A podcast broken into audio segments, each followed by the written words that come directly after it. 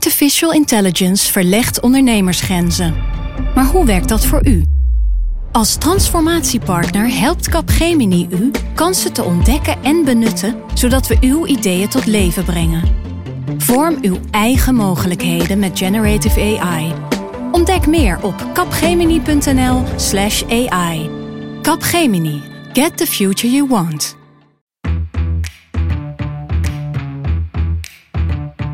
Dit is Haagse Zaken van NRC. Mijn naam is Lemja Aharwai.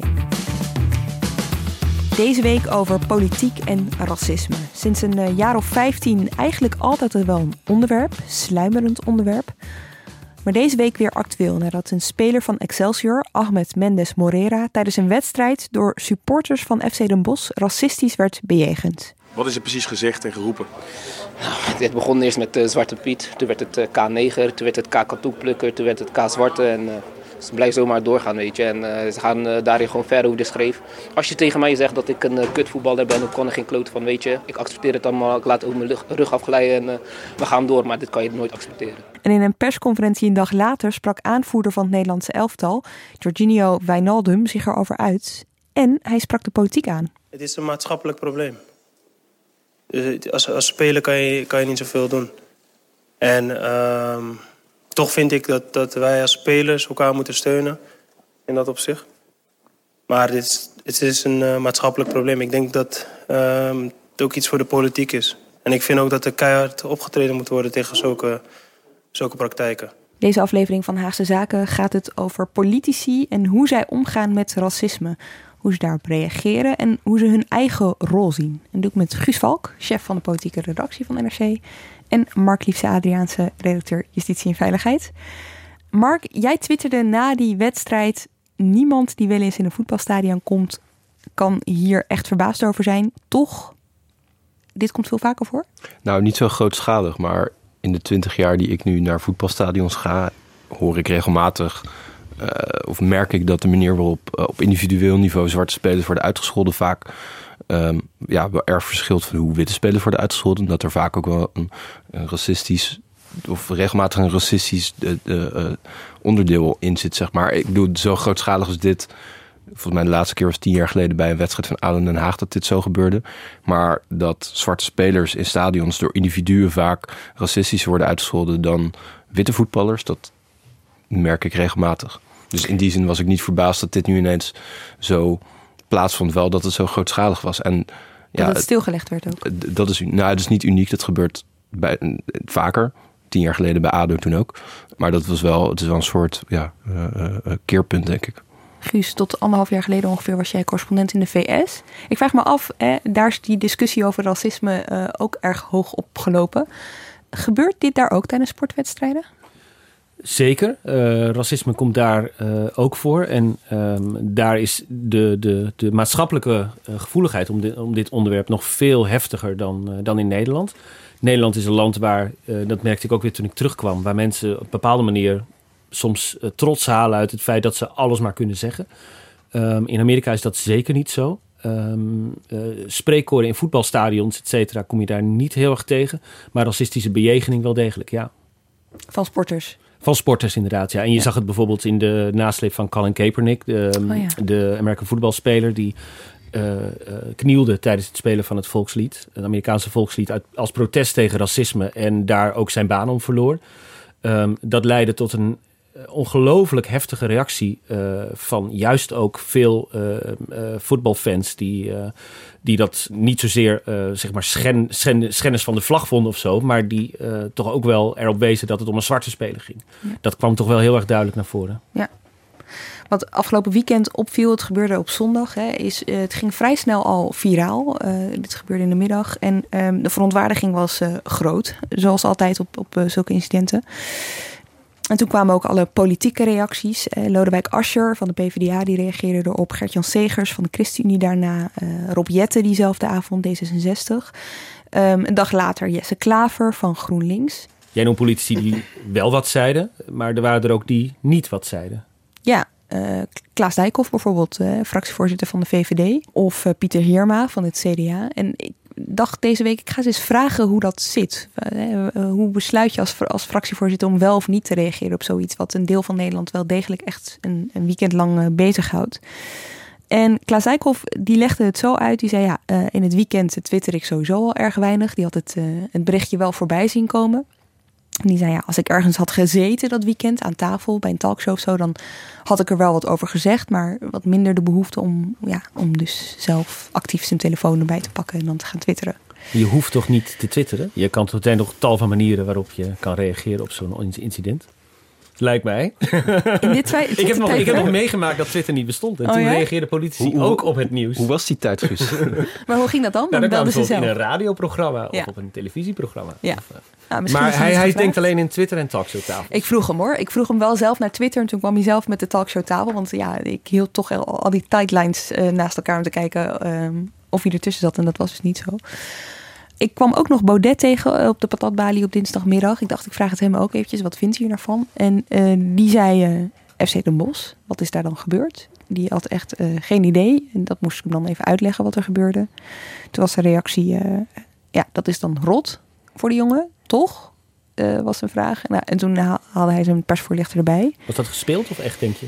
Ja, vind ik heel moeilijk om in te schatten. Ja, ik, ik kan natuurlijk niet in zijn hoofd kijken. Maar ik kan me niet voorstellen, ook vooral niet bij iemand die dus veel achter Twitter zit als Thierry Baudet, dat zoiets groots je ontgaat in zo'n weekend. Dat lijkt me zeer onwaarschijnlijk. Dat, eh, ik denk dan heb je dus ook geen kranten gelezen. En dan heb je ook het feit dat er in de Kamer over gedebatteerd wordt totaal gemist. Wat best bijzonder is als Kamerlid. Um, nee, dit lijkt me uh, zeer onwaarschijnlijk dat hij dit gemist heeft. Het lijkt me een gespeelde reactie. Het lijkt me eerder dat, dat het hem minder boeit dat hij het irrelevant vindt, dan dat hij hier uh, niks van wist. Ik heb het er ook over gehad met Pieter Heerma, uh, eh, CDA-fractievoorzitter. En dit is wat hij erover zei. Dat is even twee verschillende dingen. Mhm. ik, ik, ben niet. Uh, ik, ik, ben niet zo, ik heb niet een hele snelle Twitter triggerfinger. Zeker in het weekend. Ik denk dat je terugkijkt. Je ziet mij in het weekend nog niet heel veel, heel veel twitteren. Ehm, dus ik, ik ben ook, dat is waarom ik ook wat behoedzaam ben met zo'n vraag. Het is niet zo dat als je niet direct ergens binnen vijf minuten Twitter over hebt, dat je het daarmee geen probleem vindt. Um, en kwam maandag ook niet en dinsdag ook niet en nu nog steeds niet. Op. Nee, maar we hebben als CDA wel stevig, uh, stevige stelling genomen. Um, en, maar meer in algemene zin geldt dat natuurlijk ook de politiek een, in de brede zin hier een rol in heeft. En dat je dus uh, ook moet aangeven waar de grens ligt en dat er dus gehandhaafd moet worden. Dat doen we dus als partij ook en dat hebben we in het verleden ook gedaan. Ja, antwoord van Dijkhoff zat een beetje hetzelfde. Van, hè, er hebben wel Kamerleden van mij uh, over, die hebben zich er wel over uitgelaten. En ik heb me heel vaak uitgelaten over racisme. Het is niet dat ik het niet belangrijk vind. In speeches op mijn congres. En ik doe dat dan niet incidentgedreven, maar ik doe het omdat ik het idealistisch belangrijk vind. Het is overigens boeiend dat natuurlijk Kamerleden continu reageren op incidenten. Als er ergens een, TBS'er ontsnapt of zo, of een, een, rechtelijke uitspraak is met Volkert van der G, dan heb je regelmatig dat Kamerleden vooraan staan om daar wel over te twitteren. Uh, deels ook van partijen die nu uh, zeggen: nee, nee, we reageren niet op incidenten. Dus er zit wel een enige dubbele moraal in, heb ik het idee. Hm. Ik ga toch, ik ga toch hardop denken. Ik, is het fair om te, om te denken in lijstjes van, weet je wel, linkse politici die zijn er allemaal over aan het uh, twitteren tijdens zo'n weekend en dan middenrechtse partijen niet. Zegt het net zoveel als dat ik denk dat het zegt, als dat wel of niet gebeurt. Het zegt misschien wel iets over de, de prioriteit die ze eraan geven. En misschien ook wel het inschattingsvermogen. Misschien hebben ze ook gewoon niet, uh, terwijl ze hun zondagsrust in eer aan het houden waren, hadden ze niet door dat dit een groot maatschappelijke kwestie aan het worden was. En ook vrij plotseling gebeurde dat natuurlijk. Dat zou kunnen. Um, over links moet je wel zeggen dat Um, een, een, tweet is fijn, maar er zijn natuurlijk ook de laatste tijd andere racistische incidenten in Nederland geweest, waar ze ook niet allemaal even uh, snel op hebben en adequaat op hebben gereageerd. Dus het is niet zo dat, dat linkse politici uh, hier, um, uh, het hier per definitie beter doen. Wat bedoel je bijvoorbeeld? Nou, ik denk bijvoorbeeld de toestand rondom Kick-Out Zwarte Piet een week mm -hmm. eerder. Um, dat gebeurde op een vrijdagavond, als ik het goed heb daar, daar kwam ook niet van alle partijen, ook niet van links, een, een eenduidige veroordeling uit. Um, terwijl dat een incident was waar, ja, waarvan je ook kan zeggen dat het goed mogelijk is dat dat duidelijk racistische elementen in zich had. Um, dus het is natuurlijk niet zo dat, dat links per definitie altijd sneller en, en, uh, en, en, en beter misschien reageert op dit soort dingen. Ja. Maar in dit geval is er wel een duidelijk onderscheid te maken. Ik, ik denk dat partijen gewoon heel erg inschatten verwachten mijn kiezers dat ik hierop reageer. Ik denk dat, uh, dat linkse partijen veel meer denken: oké, onze kiezers die vinden dit belangrijk, we gaan hierop reageren. En dat bij, bij misschien rechtse partijen meer gedacht wordt: ja, uh, dit is niet direct iets waar mijn kiezers nu van mij heel sterke actie op verwachten. En dat verwachten ze misschien wel als er een TBS voor ontsnapt. Want dat zijn onderwerpen waar wij ons veel meer op uiten. Dus ik denk dat dat, dat er misschien ook wel. Um, ja, achter kan zitten. Dat, dat iemand als Klaver, dat, dat, die ziet misschien ook dat partijgenoten van hem op Twitter denken van hé, waar is Jesse Klaver? Hier, en dan hier moet ik iets mee. Ik denk dat dat bij het CDA en um, de VVD, laat staan PVV en Forum, wel heel anders is. Het ging nog wel eventjes door deze week politiek. Hè. Dinsdag tijdens het vraaguur. Jan Paternotte van D66 had er vragen over gesteld aan de premier. Maar die stuurde minister Bruno Bruins van Sport dat was weer niet genoeg, vond Lodewijk Asscher van de PvdA. En die maakte een punt van orde tijdens het vraaguur. Voorzitter, bij de vraag van de heer Paternotte over het uitbrengen van de Hitlergoed, racistische spreekkoren dit weekend bij Den Bosch Excelsior, uh, laat de minister-president zich vervangen door de minister van Medische Zorg en Sport. En we begrijpen dat de premier druk heeft. Hij staat hier voor interviews te geven. Hij is bij het kindervragenuur geweest. Hij heeft later vandaag het interbestuurlijk programma. Goed. Maar ik had hem willen vragen naar zijn afwezigheid in het debat over racisme. En dat kan niet, want hij is letterlijk afwezig.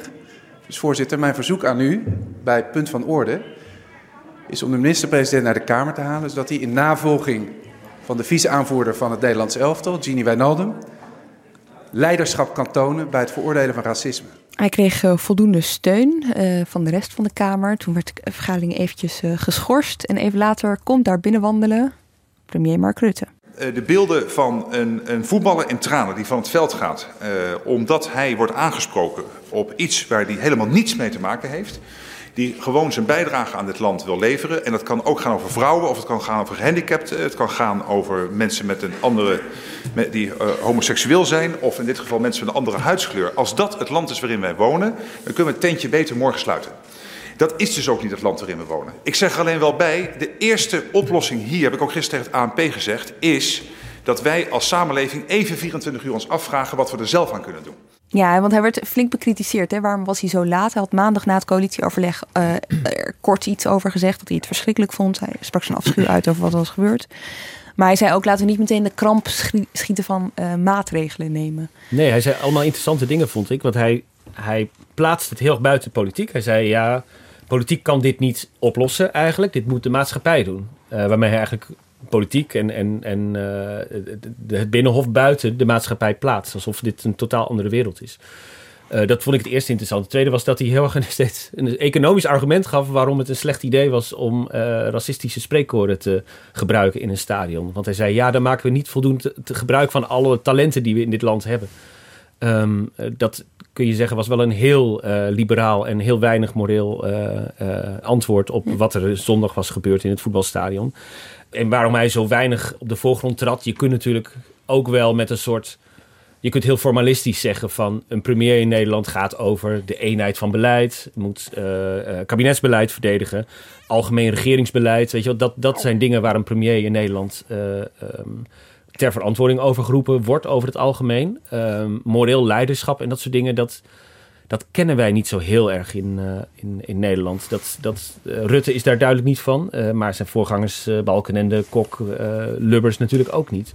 Ehm, dus hij staat in dat opzicht wel in een soort lange traditie, denk ik. Ja, Balkenende probeerde het een beetje met die normen en waarden, toch? En, Rutte heeft het ook wel eerder gedaan natuurlijk, hè, met de dikke ik. Hij heeft ook in het verleden, toen het ging over uh, uh, geweld van Turks-Nederlandse jongeren is hij daar natuurlijk heel fel op geweest. Dus dat zijn ook uitingen van uh, bepaalde normen en waarden die hij belangrijk vindt als politicus. Tegelijkertijd, ja, misschien is het wel heel liberaal dat hij zei: dit is aan de samenleving. Ik bedoel, Mark Rutte is ook degene die zei: de overheid is geen geluksmachine. Burgers moeten het zelf doen. Um, dus zijn geloof in wat de overheid kan en waar de overheid zich over moet uitlaten, is vrij beperkt. Um, dus ik denk dat het ook in die lijn ligt dat hij zegt: ja, hè, wij, hebben een taak in de zin van het is goed dat we het hier nu bespreken, dat we ons uitspreken. Maar uiteindelijk moet de samenleving zelf, uh, moeten mensen zichzelf uh, of elkaar corrigeren. Dus het is ook een, een maatschappelijk vraagstuk dat niet, zoals hij gelooft met heel veel maatschappelijke vraagstukken, niet door de overheid opgelost kan worden. En dat zou je kunnen zeggen, is juist weer wel vrij liberaal. Ja, nee, het klopt. We hadden het net even over de Verenigde Staten, maar ehm, eh, daar is bijvoorbeeld, uh, heb ik een paar keer gezien, ook na racistische schietpartijen, dat bijvoorbeeld Obama um, uh, het podium pakt en, en in tranen soms de natie toespreekt en ehm, zelfs soms mee rouwt met zijn nabestaanden. Bij grote uh, gebeurtenissen die de samenleving schokken, kan het soms helpen als er een, als er een soort nationaal boegbeeld is dat, dat, uh, dat, dat, dat zich over die gevoelens ontfermt. Um, Rutte is duidelijk niet van die school. Maakt af en toe inderdaad wel een puntje, vaak wel in campagnetijd uh, natuurlijk. maar over het algemeen is hij bij maatschappelijke kwesties niet op zijn, maar niet op zijn best. Welke premier is het eigenlijk wel geweest, ik te denken? Ik bedoel, Rutte is natuurlijk bij MA17 wel geweest. Um, maar Balkenende en Kok waren in die zin ook geen hele warme figuren. Nee, hij past in een traditie, denk ik. Hij past in een traditie van het soort leiders dat op een of andere manier altijd in Nederland boven komt drijven. Maar, maar zouden we in Nederland leiders willen die dus meer uh, moreel en ook emotioneel leiderschap tonen? Of zouden we dat dan vaak toch weer te paternalistisch vinden? En uh, wij doen het zelf wel als Nederlanders, we hebben daar de politiek niet voor nodig. Ik vraag me af, ik, bedoel, het, het, ik denk dat die constatering klopt, maar ja, uiteindelijk zijn dit wel de mensen die in Nederland steeds verkozen worden. Dus of uh, meer emotionele leiders niet, of dat niet te emotioneel zouden vinden. Hm, ik denk dat je daar, dat moet je parallel zien aan de discussie in hoe hoog die oploopt. Hè? Ik, ik bedoel, is die discussie ooit zo fel gevoerd over racisme en identiteit? En met andere woorden, is die behoefte ooit zo sterk gevoeld? Uh, een aantal jaar geleden, discussie bijvoorbeeld toen rond de rapper Typhoon die gearresteerd werd, was ook een, uh, dat werd ook veel breder getrokken dan alleen uh, dat, die discussie ging echt ook over institutioneel racisme en discrimineert de overheid. Ik denk dat dat ook wel een soort vergelijkbaar moment was. Dat, dat je zag dat we allemaal een soort perceptie hebben van een, een samenleving waarin ras er niet meer te doet, waarin we ook allemaal niet meer racistisch zijn. Um, en dan word je daaraan herinnerd dat, dat er toch bepaalde ja, demonen in de samenleving zitten, waardoor toch eens in de zoveel jaar heel uh, fel uh, zichtbaar wordt.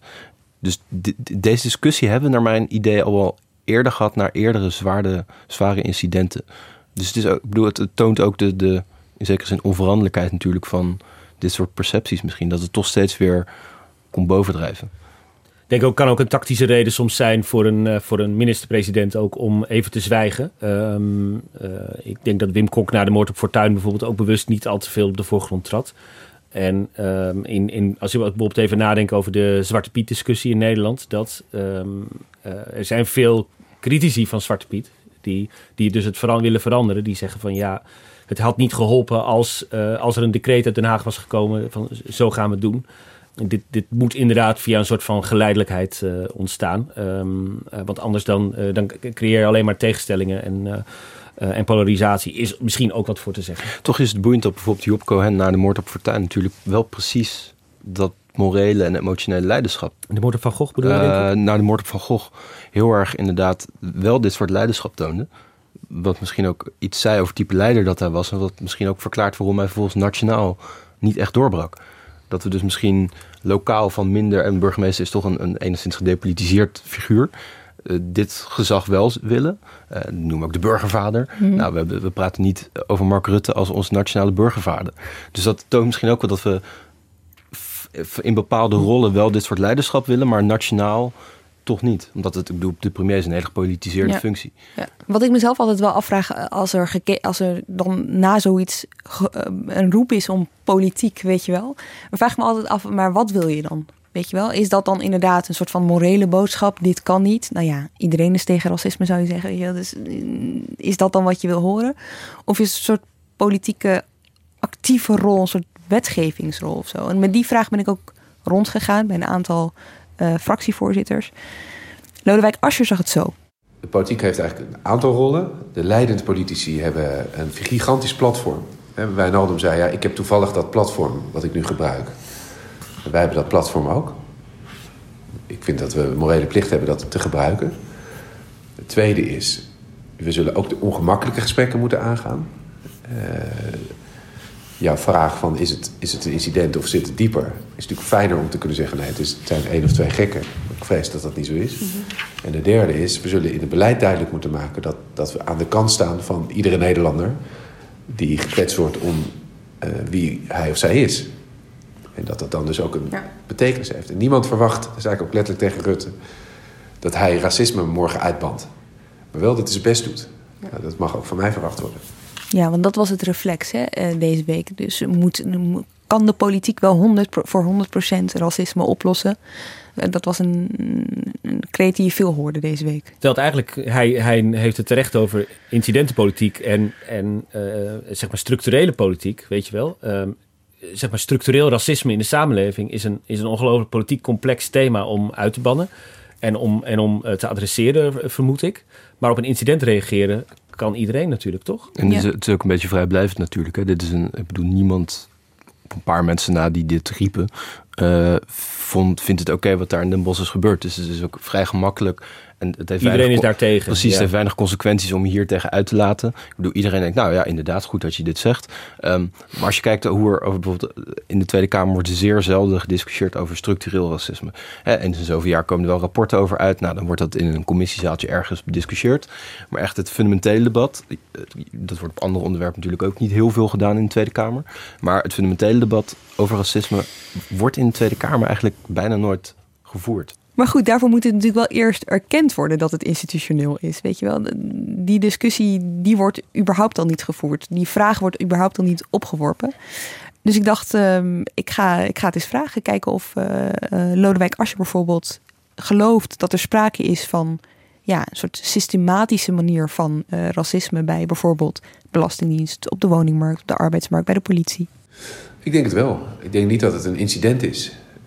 ik denk dat, kijk, Waar het mis, misverstand is vaak uh, dat je denkt... mensen gaan s ochtends trekken hun Ku Klux Klan pak aan... of een nazi-uniform en gaan dan de hele dag uh, mensen racistisch bejegenen. Zo werkt het natuurlijk niet. Over het algemeen hebben mensen voordelen, onbewuste voordelen.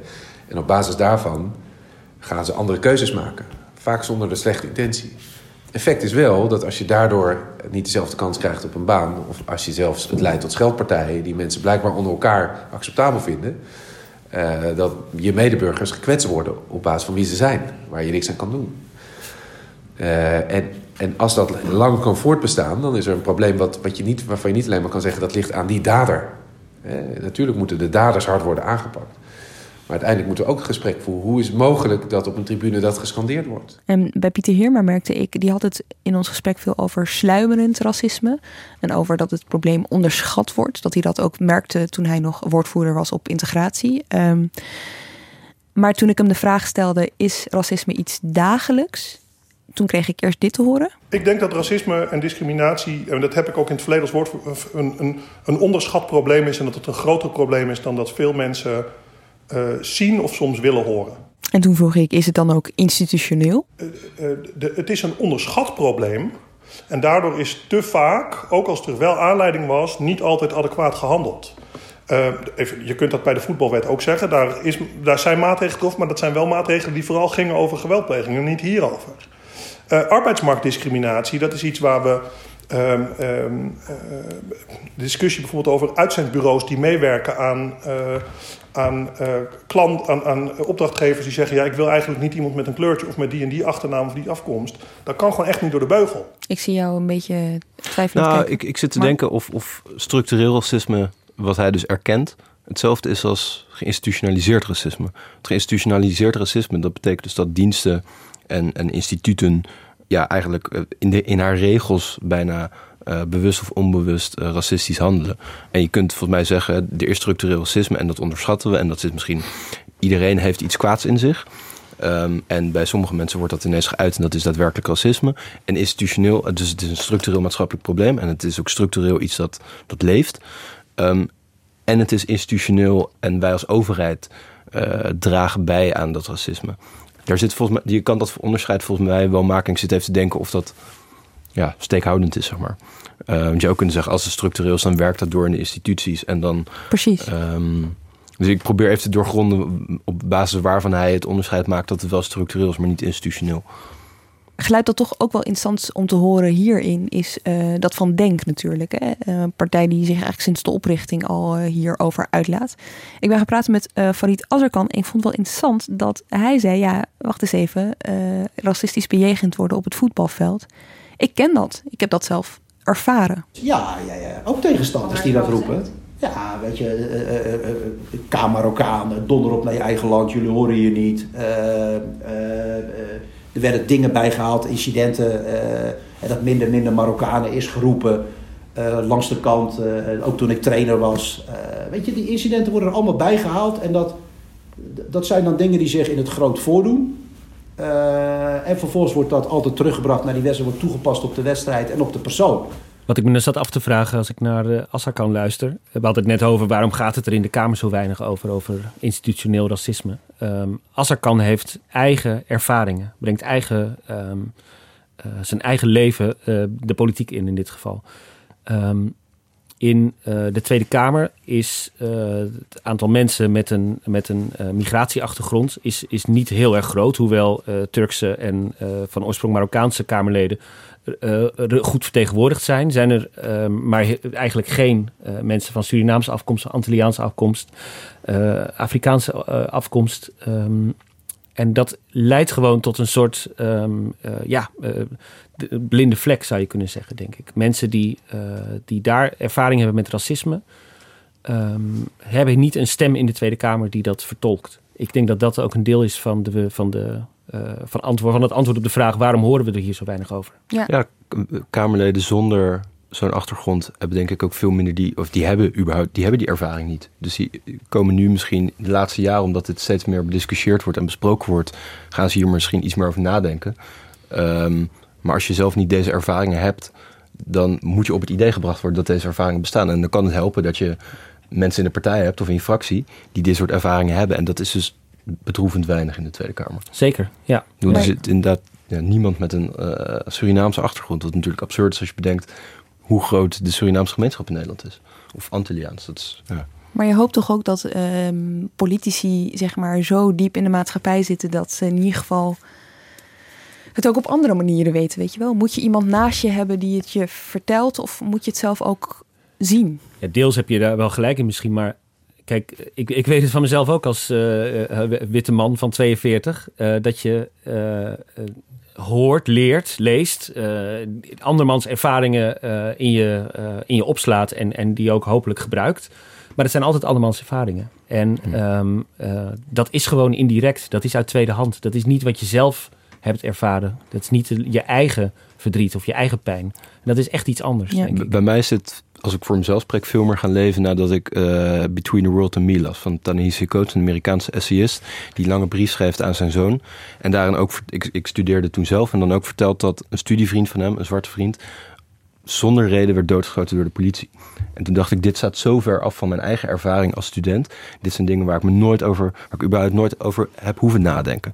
Um, dus dat zijn inderdaad ervaringen die je van buiten van anderen moet krijgen en die je nooit helemaal zult begrijpen, maar die je wel vervolgens als je politicus bent of journalist of whatever, wel je kunt er wel over gaan nadenken en je kunt het op de agenda zetten. Ja. En dat gebeurt in de Tweede Kamer heel weinig.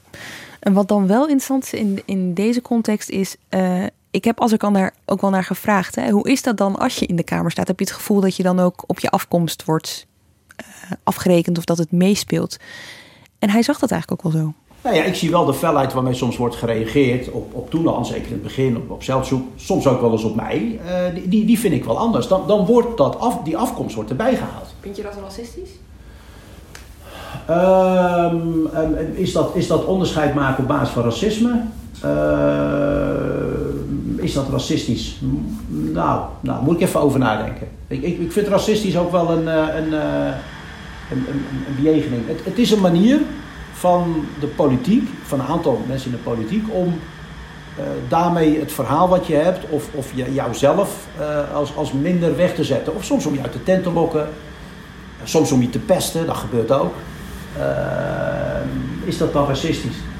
Daar moet ik even over nadenken. Overigens zijn er ook Kamerleden zoals ex-Kamerlid Sini Ustil die zeggen... de enige partij die mij ooit heeft aangesproken op mijn Turkse achtergrond is DENK. Niet de PVV, niet Forum, alleen DENK. Dus ja, speelt ook wel mee. Zeker, ja. ja. Wat ik soms een beetje merk bij dit onderwerp, ook hier in Den Haag, is een soort van ongemak om het erover te hebben. Zo van, ja, liever eigenlijk niet. Merken jullie dat ook?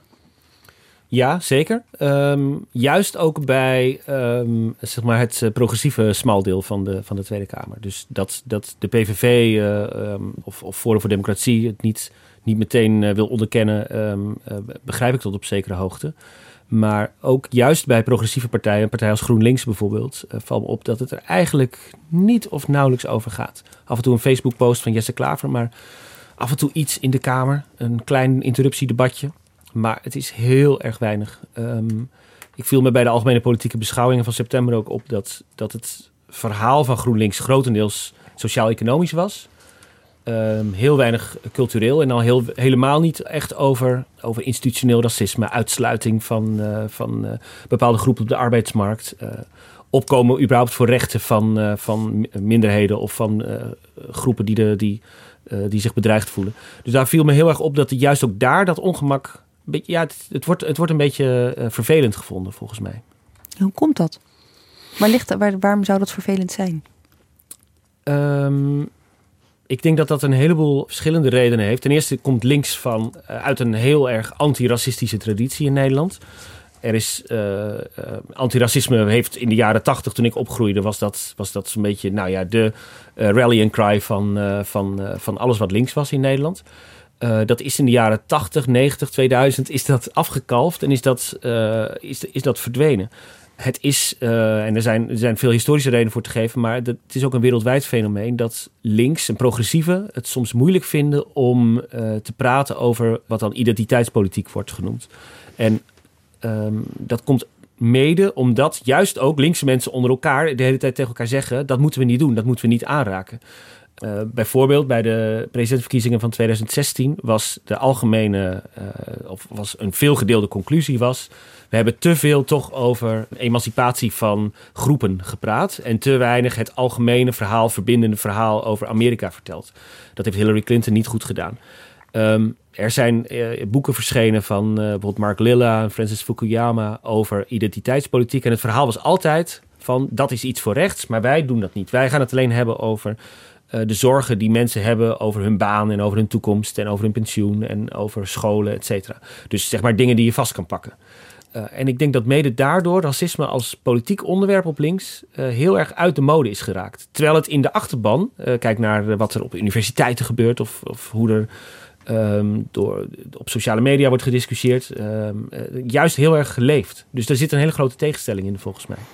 En speelt die historische context die je uh, net eventjes noemde daarin ook niet een rol? Ik bedoel, er, er, is iets gebeurd waardoor links is opgeschoven van uitspreken dat je antiracistisch bent tot waar ze nu staan.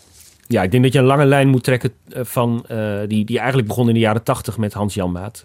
Ik denk dat daar het echt het begin is van, van dat was 1982. Toen werd Jan Maat namens de Centrumpartij gekozen in de Tweede Kamer. Had één zetel. En dat waren de hoogtijdagen van het antifascisme, antiracisme. Jan Maat blijft hameren op het vreemdelingenvraagstuk. En met succes. In 1982 verovert hij met de Centrumpartij één zetel in de Tweede Kamer. Het Binnenhof stroomt vol.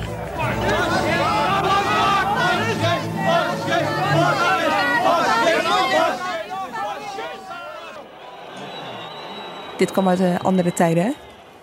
Ja, en uh, wat je hoorde was een uh, grote demonstratie op het Binnenhof van, uh, van mensen die, die protesteerden tegen de komst van Jan Maat in, in de Tweede Kamer. Met de achtergrond van de Tweede Wereldoorlog nog redelijk vers in het geheugen, was nog niet eens 40 jaar geleden. En mensen zagen de Centrumpartij als de nieuwe NSB. Um, en antiracistisch zijn was op dat moment ook een, een, een, een vorm van linkse identiteit. In het geval van Janmaat was dat heel duidelijk. Hij werd uitgesloten van debat. Uh, dat wil zeggen, als hij het woord voerde, dan verlieten de andere fracties uh, de Kamer. Ook rechtse uh, fracties keerden zich helemaal tegen, tegen Janmaat. En um, zijn racisme werd voortdurend benoemd en hij werd voortdurend van alles uitgesloten. Hij zat ook alleen in een bankje in de Oude Kamerzaal en uh, leefde een volledig geïsoleerd uh, bestaan. Hij is uiteindelijk dus ook veroordeeld wegens, um, uh, nou moet ik het goed zeggen, wegens aanzetten tot discriminatie van mensen wegens hun ras. En uiteindelijk kreeg hij een voorwaardelijke celstraf daarvoor. werd ook nog eens veroordeeld wegens discriminatie een paar keer in de jaren negentig. Kreeg daar weer geldboetes voor. Dus op dat moment waren de mechanismen zeg maar, om, om, om Janmaat klein te houden, te bestrijden, waren heel erg aanwezig. En dat kwam omdat hij dingen zei als wij schaffen de multiculturele samenleving af, bijvoorbeeld. En hij liep mee op demonstraties waar vol is vol en eigen volk eerst werd geroepen dat kostte hem uiteindelijk dus een veroordeling. En ook een, een, een politieke excommunicatie. Ja. Ik, ik denk dat, dat een belangrijk onderscheid met, met de jaren 80 en 90 is dat het debat over racisme nu veel gepolitiseerder is. In de jaren 80 en 90 ging het denk ik toch veel meer over zaken die evident af te keuren waren. Moord op Kerwin Duinmeijer, in Duitsland de moord. Ehm, dat zijn dingen waar je evident uh, tegen bent. Maar waar je ook niks mee te maken hebt. En waar je niks mee te maken hebt. En nu gaat het debat, is het, het is gepolitiseerder. En het gaat ook veel meer over individueel gedrag. Um, Wat bedoel je met het is gepolitiseerd? Nou, dat, dat, het meer, um, uh, dat er meer meningsverschillen tussen zitten. Omdat het gaat over vormen van uh, bewust of on, onbewust racisme, die mensen misschien jarenlang gehad hebben, die, maar zich nooit bewust van zijn geweest. En daar nu worden, door worden aangesproken door groepen die zich emanciperen. Die zeggen: Dit is ook ons land. Eh, ik, dat zie je ook mensen uh, rondom Kik uit Zwarte Piet, die een migratieachtergrond hebben, die een kleur hebben en die zeggen: Ja, dit is ook ons land. Wij mogen meepraten. Het is, wij voelen deze traditie ook, maar wij hebben er pijn bij. Um, en dat raakt veel meer de individuele beleving van mensen over wie zij zijn. Inderdaad, uh, de, de, de, de, moord op Kerwin Duinmeijer of in de jaren negentig massale versturen van, postkaart, eh, post, uh, van uh, naar Duitsland. Dat wij tegen racistische moorden waren. Dat had niks te maken met onze met individuele keuzes die we elke dag maken om op een bepaalde manier te praten over mensen, om te gaan met mensen. En het debat nu gaat er wel over. Omdat het gaat over de taal die wij spreken, de manier waarop we met elkaar omgaan. Dus dat maakt ook dat um, um, dit debat veel meer uh, een gevoel. Het is een gevoelig debat gemaakt. En het maakt ook denk ik dat groep, dat er groepen in de samenleving zijn die nu um, door dit debat een soort van uh, ja, of gevoelens van verlies ervaren, van vervreemding, die het idee hebben wij verliezen macht.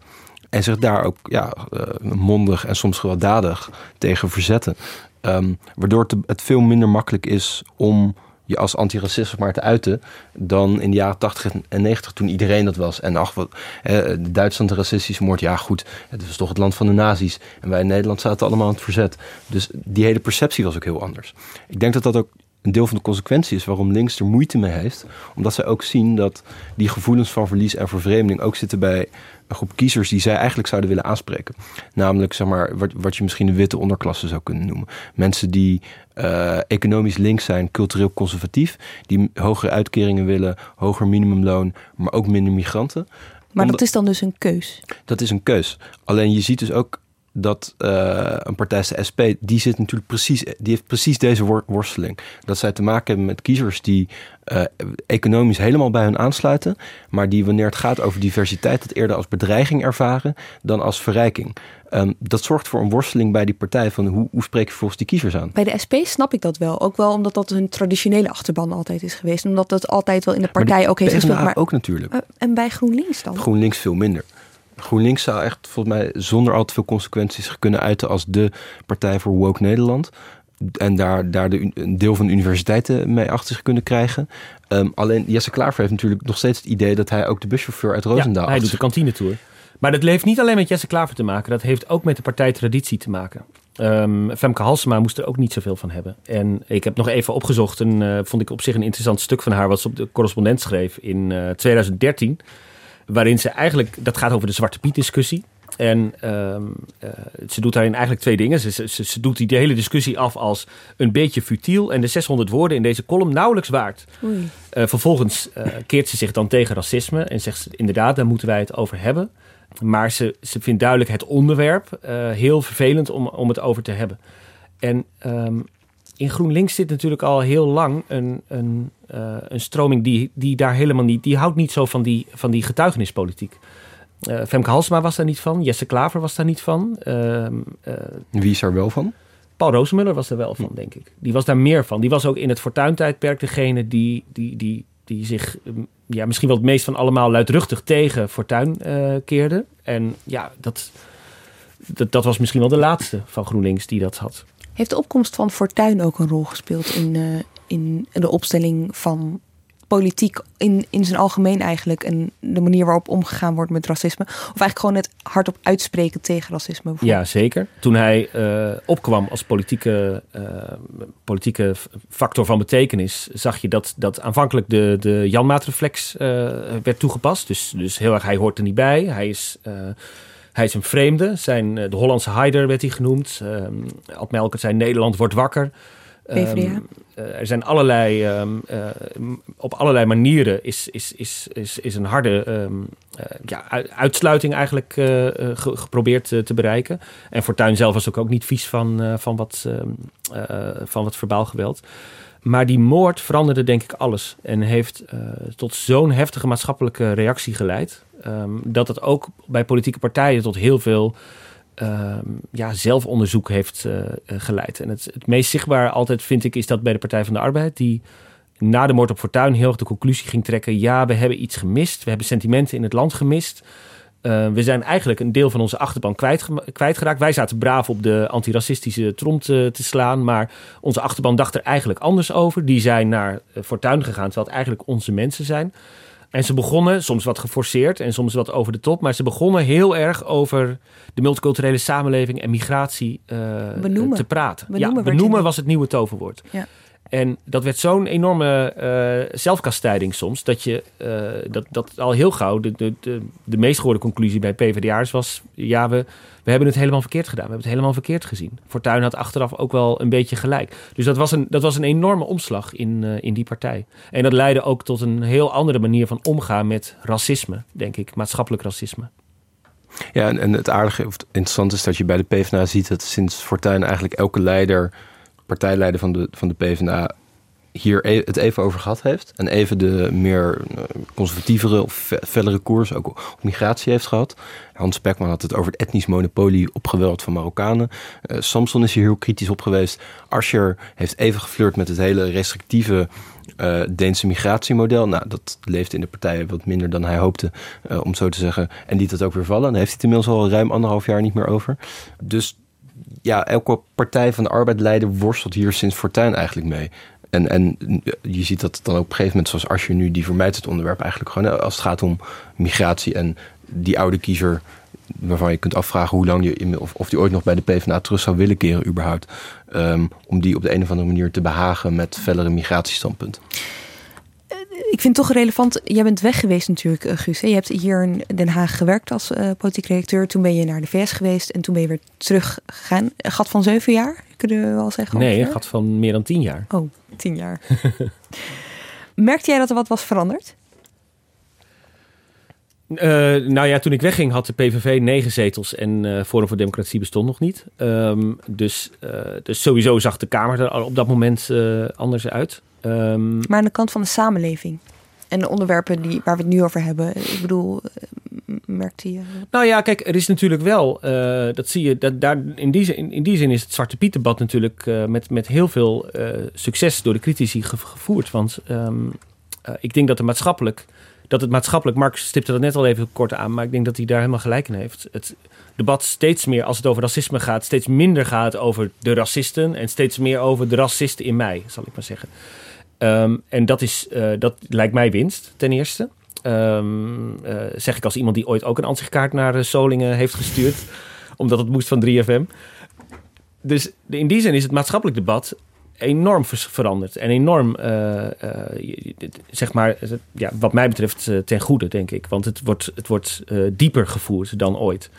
Tegelijkertijd, de groep die zich daartegen verzet, is, is ervaart, zoals jij zei net, een gevoel van verlies. Maar verliest het natuurlijk ook uiteindelijk. Ik denk dat um, Zwarte Piet is echt op de weg terug. Op zijn retour, moet ik zeggen.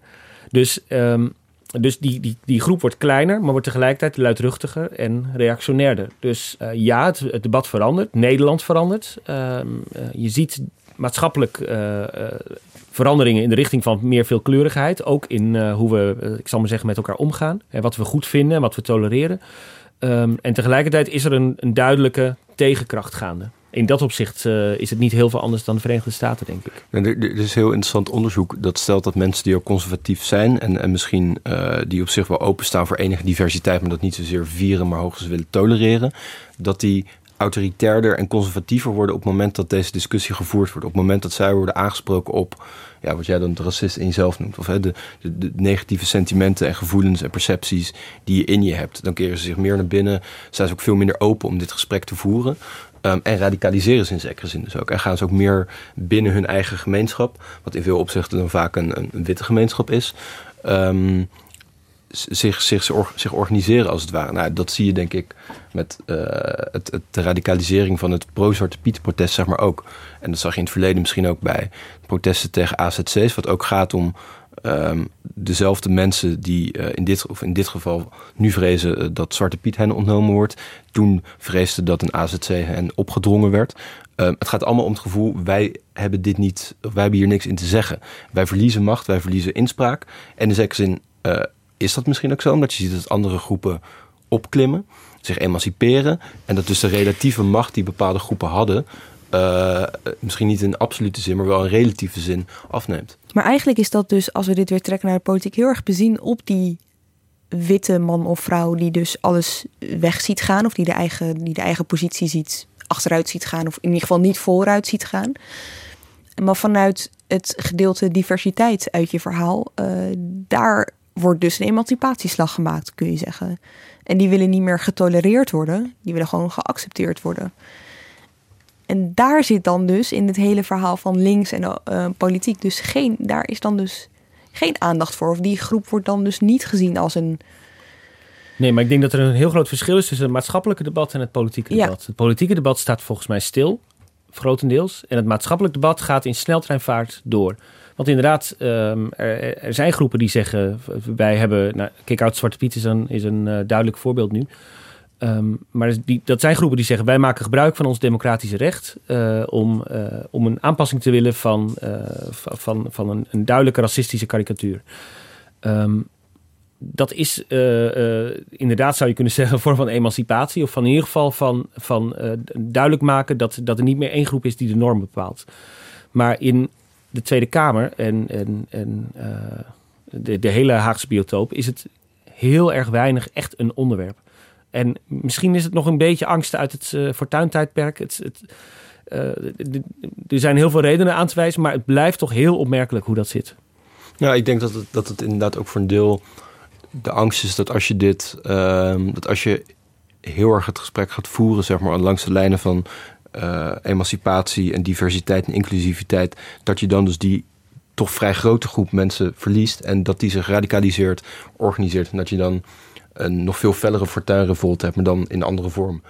Maar dat is dus een keuze. Want je kan je ook. Partij... Want, want tegelijkertijd kun je ook denken in het aloude principe verheffing. Want dat, daar gaat dit dus aan de andere kant ook over. Dat er een groep is mm -hmm. die uh, verheven wordt. Zeker. Weet je wel? Die, die vooruitgang boekt. Dus Zeker. Um, Alleen de, consequentie van vooruitgang is dat een andere groep terecht of onterecht de perceptie van relatieve achteruitgang voelt. En wat je dus heel duidelijk ziet, is de, ik denk dat een van de redenen waarom ook rechtse partijen zich minder uitlaten op dit thema, is omdat zij eh, voelen dat die mensen meer bij hun partij zitten. Dus dat zij er niet direct heel veel mee te winnen hebben om um, dit gesprek op die manier inderdaad met die termen te gaan voeren. Omdat zij vrezen die mensen te verliezen. Dus het is in die zin denk ik ook gewoon een, een electorale afweging. Inderdaad een keuze. Toch wel tekenend voor hoe moeilijk het is voor uh, de ChristenUnie bijvoorbeeld om, uh, om over zo'n onderwerp als uh, racisme te praten, um, was de reactie van de ChristenUnie ook op, op de, de incidenten in Den Bosch. Jij noemde net even die tweet van Gert-Jan Segers. Um, dat was op zich wel interessant. Ik zal hem even voorlezen. Well done, scheids. Racisme is een kwaad dat alleen kan voortwoekeren als niemand er wat van zegt. Laten we daarom allemaal en ook buiten het stadion altijd iets zeggen van racisme en antisemitisme. Um, natuurlijk een ferme veroordeling zou je kunnen zeggen, maar tegelijkertijd merk je dat um, uh, het veroordelen van antisemitisme uh, veel meer in de comfortzone zit van de, van de ChristenUnie dan, dan racisme, waar het gewoon minder vaak over gaat bij de ChristenUnie. Terwijl die achterban toch racisme wel zal Maar dat doet de ChristenUnie natuurlijk ook. Uh, zeer. Maar het is natuurlijk een, ook een partij die, die erg pro-Israël is. Die erg bezorgd is over uh, antisemitisme, discriminatie ook in Nederland of in het buitenland van, van, um, van de Joodse gemeenschap. Um, dat is, we hadden het net even over waar richt een partij zich primair op. Dat is waar de achterban echt wakker van ligt, denk ik. Meer nog dan van institutioneel racisme. Even over Zwarte Piet gesproken, want dat is natuurlijk wel een thema dat, ja, uh, hoe zou ik het zeggen? Alles wat nu gebeurt, gebeurt in de context van die Zwarte Piet-discussie uh, op dit thema in ieder geval. En daar zie je dat de politiek eigenlijk wel is opgeschoven. Hè? Een goed voorbeeld daarvan is natuurlijk Mark Rutte, die wat was het, vijf jaar geleden nog die beruchte uitspraak deed over zijn vrienden op de Antillen die blij waren dat ze zich niet hoefden te sminken als Zwarte Piet, omdat ze al zwart waren.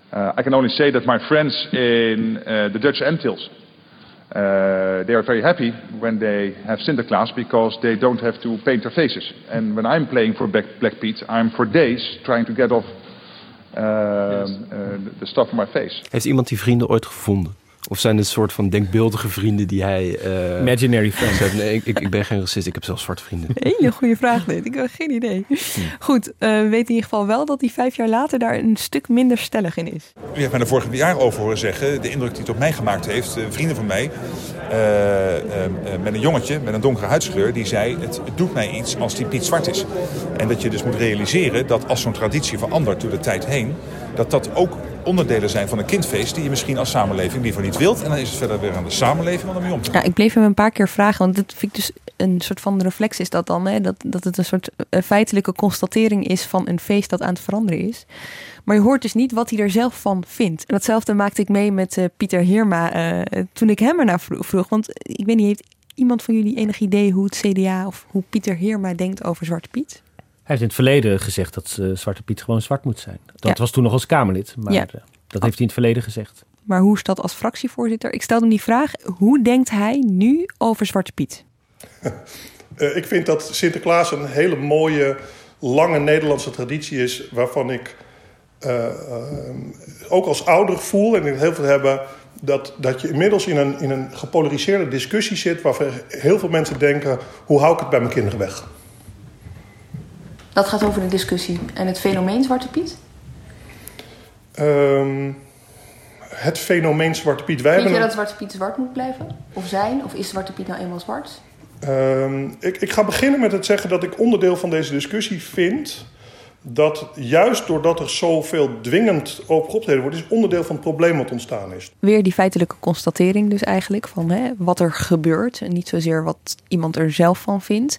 Um, we hebben hier een wat langer gesprek over gevoerd. En ik heb die vraag nog een paar keer gesteld, wat hij er zelf van vond. Maar eigenlijk ja, um, liep dat op niks uit. Oké, okay, maar vindt Pieter Heerma dat Zwarte Piet zwart moet blijven? Ik heb je volgens mij al een paar keer antwoord gegeven. Nee, dat gaat steeds over het debat, maar niet over... Ik heb aangegeven dat tradities aan verandering onderhevig zijn. Maar dat is een feitelijke constatering, ja, dat, dat zien we gebeuren. Dat klopt. Maar wat vind je er zelf van? Vind je zelf dat ik vind zelf dat onderdeel van deze discussie die van bovenaf gevoerd wordt, die gepolariseerd gevoerd wordt, dat er inmiddels veel meer mensen daar de balen van hebben en dat bij hun kinderen weg willen halen dan iets anders. En daar hoor ik ook bij. Als politiek, als fractievoorzitter van een van de regeringspartijen, u bent, u bent fractievoorzitter van een grote partij in Nederland.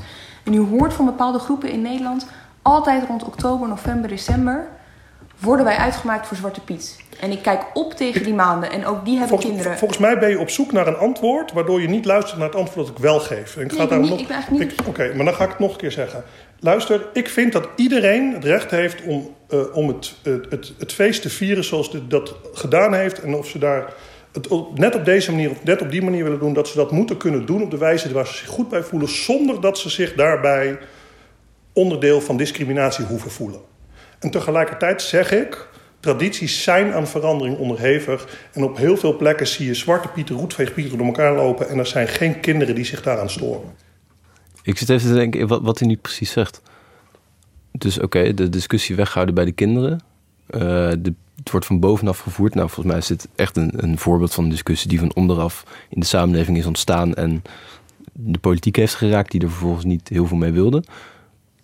En hij zegt, hij constateert dus dat de traditie verandert en dat dat ook gebeurt nou eenmaal. En, okay. Het is niet heel duidelijk wat hij, uh, wat hij hiervan vindt. Lijkt me een scherpe constatering. het is een beetje, ja, de houding van de politiek in deze discussie is altijd geweest: het is aan de samenleving, die moet die verandering doen. Nou, die, de samenleving maakt die verandering. Uh, je ziet steeds meer roetveegpieten. Je ziet dat kinderen dat prima vinden. Uh, en nu zegt de politiek: oké, okay, dus het, de traditie verandert. Dus je zou kunnen zeggen dat het traject dat de politiek een paar jaar geleden heeft ingezet van we houden ons afzijdig en het is aan de samenleving, dat het geslaagd is. In de zin van die verandering is er geweest. De politiek constateert nu, uh, oké, het, was geen gemakkelijke uh, overgang en die is ook nog lang niet voorbij. Maar het is in ieder geval gaande en wij hebben ons met redelijk succes daarbij te houden. De enige partij die de discussie echt van bovenaf voerde was de PVV. Want Martin Bosma kwam in 2017 met zijn initiatief om de uitdossing van Zwarte Piet vast te leggen in een wet. Um, dat heeft nooit uh, tot iets geleid. Maar het idee was uh, dat uh, er een wet zou komen waarin zou staan... een zwarte piet heeft een egaal zwart of donkerbruin gezicht... roodgeverfde lippen, zwart krulhaar en goudkleurige oorbellen... en is gekleed in een fluweelachtig pak met pofbroek... en draagt een hoofddeksel met een gekleurde veer. Um, en daar heeft de Kamer in 2017 over gedebatteerd... Um, en dat heeft het natuurlijk nooit gered. Maar wat ik interessant vond toen ik even terug zat te lezen... het stenogram van dat debat... Dat uh, iedereen verwierp dat. Maar niet op basis van het argument dat Zwarte Piet een racistische karikatuur was. Oh ja. um, de enige die dat deed um, was het Kamerlid uh, Usturk. Toen nog uh, net afgescheiden van de PvdA. Al die anderen zeiden, ja, wij gaan dat toch niet opleggen. Um, hier gaat Den Haag niet over. Dat soort, dat soort teksten. Maar de, de, de afwijzing van, van Zwarte Piet als uiting van racisme werd helemaal niet, die, die, die, die klik werd helemaal niet gemaakt toen. Dat vond ik heel interessant om dat nog eens terug te lezen. Hebben we het dus over twee jaar geleden? Zo snel gaat dat dus. Ja, die ja. omslag is best snel gemaakt dan bij Ja, en zo zie je dus dat, dat de Kamer eigenlijk met het, met het mes op de keel door, de, door notabene de PVV gedwongen wordt te debatteren over Zwarte Piet. Dat dan met lange tanden gaat doen. Um, en uh, eigenlijk niet uitkomt. Dus, uh, dus in dat opzicht hobbelt politiek ook echt achter maatschappelijke ontwikkelingen aan. Het debat wordt niet hier in Den Haag gevoerd, het debat wordt buiten gevoerd. En dan klopt het dus eigenlijk wel, wat we deze week vaak hoorden, om daar weer even op terug te komen. Weet je wel, het is een maatschappelijk debat en leg dat niet bij de politiek neer. Precies. Ik denk dat soms wel, uh, in, als het om Zwarte Piet gaat, um, uh, een, een, paar uh, moet je wel krediet geven. Bijvoorbeeld Gert-Jan Segers heeft vorig jaar in een Facebook-post afscheid genomen van, van het idee van Zwarte Piet. Lodewijk Asscher in 2016, ben je ja. weer eruit door? Ja. Maar voor Segers zal het in zijn achterban wat gevoeliger liggen misschien. Ja. Um, daarvan kon je zeggen, daar, die liep wel even op zijn achterban voor. Maar over het algemeen uh, is er heel laat en uh, heel omvloerst op dit onderwerp gereageerd. Oké, dat dus over Zwarte Piet. Maar als we het hebben over dagelijks racisme, weet je wel, woningmarkt, arbeidsmarkt, uh, politie, dan wordt het eigenlijk wel degelijk besproken in de Tweede Kamer. Het is niet dat het volledig onbesproken blijft. Alleen, um, daar had ik het ook met Herman over. Hij zegt, ja, dat belandt dan niet in de krant. Maar commissievergaderingen, die hebben het wel degelijk uh, over maatregelen om arbeidsmarktdiscriminatie tegen te gaan, bijvoorbeeld. Maar ik denk dat je daar tegenover kunt stellen. Wat is dan het grote verhaal dat partijen zelf vertellen zonder dat er een incident plaatsvindt? En dat het, dat het dus wel vaak reageren is op een incident, maar dat het weinig gaat over, uh, over de, de, structurele component die racisme ook in zich heeft, denk ik. Precies. Uh, want daar, daar heb je natuurlijk maar heel weinig echt debatten over gezien de laatste tijd. Ja, of eigen, eigen initiatieven, weet je wel. Uh, algemene politieke beschouwingen zijn daar bijvoorbeeld een goed voorbeeld van. Dan heb je het moment als politieke partij om te vertellen wat jij op dat moment belangrijk vindt. En dan blijkt dat, uh, dat de meeste partijen daar ver weg van blijven en het verhaal toch liever over, uh, ja, over, over materiële zaken uh, hebben dan, dan, dan dat ze het gaan hebben over institutioneel racisme bijvoorbeeld. Precies. Dat is toch een heel ongemakkelijk thema. Ik was een paar weken geleden bij de, de APB in de Eerste Kamer. Uh, wat een, een, stuk minder aandacht krijgt dan die in de Tweede Kamer. Um, wat ook een stuk deftiger is dan de Tweede Kamer. Maar daarin werd het wel heel kort besproken toen Meili Vos van de PvdA... Uh, premier Rutte vroeg zich uit te spreken tegen racisme. En nou, dat deed hij. Dat deed hij. het was wat. Dank jullie wel. Guus Valk en Mark Lievese Adriaanse. Dank ook voor het luisteren. Deze aflevering is geproduceerd door Iris Verhulstonk. Volgende week dan zijn we er weer met presentatie door Guus Valk. Tot dan.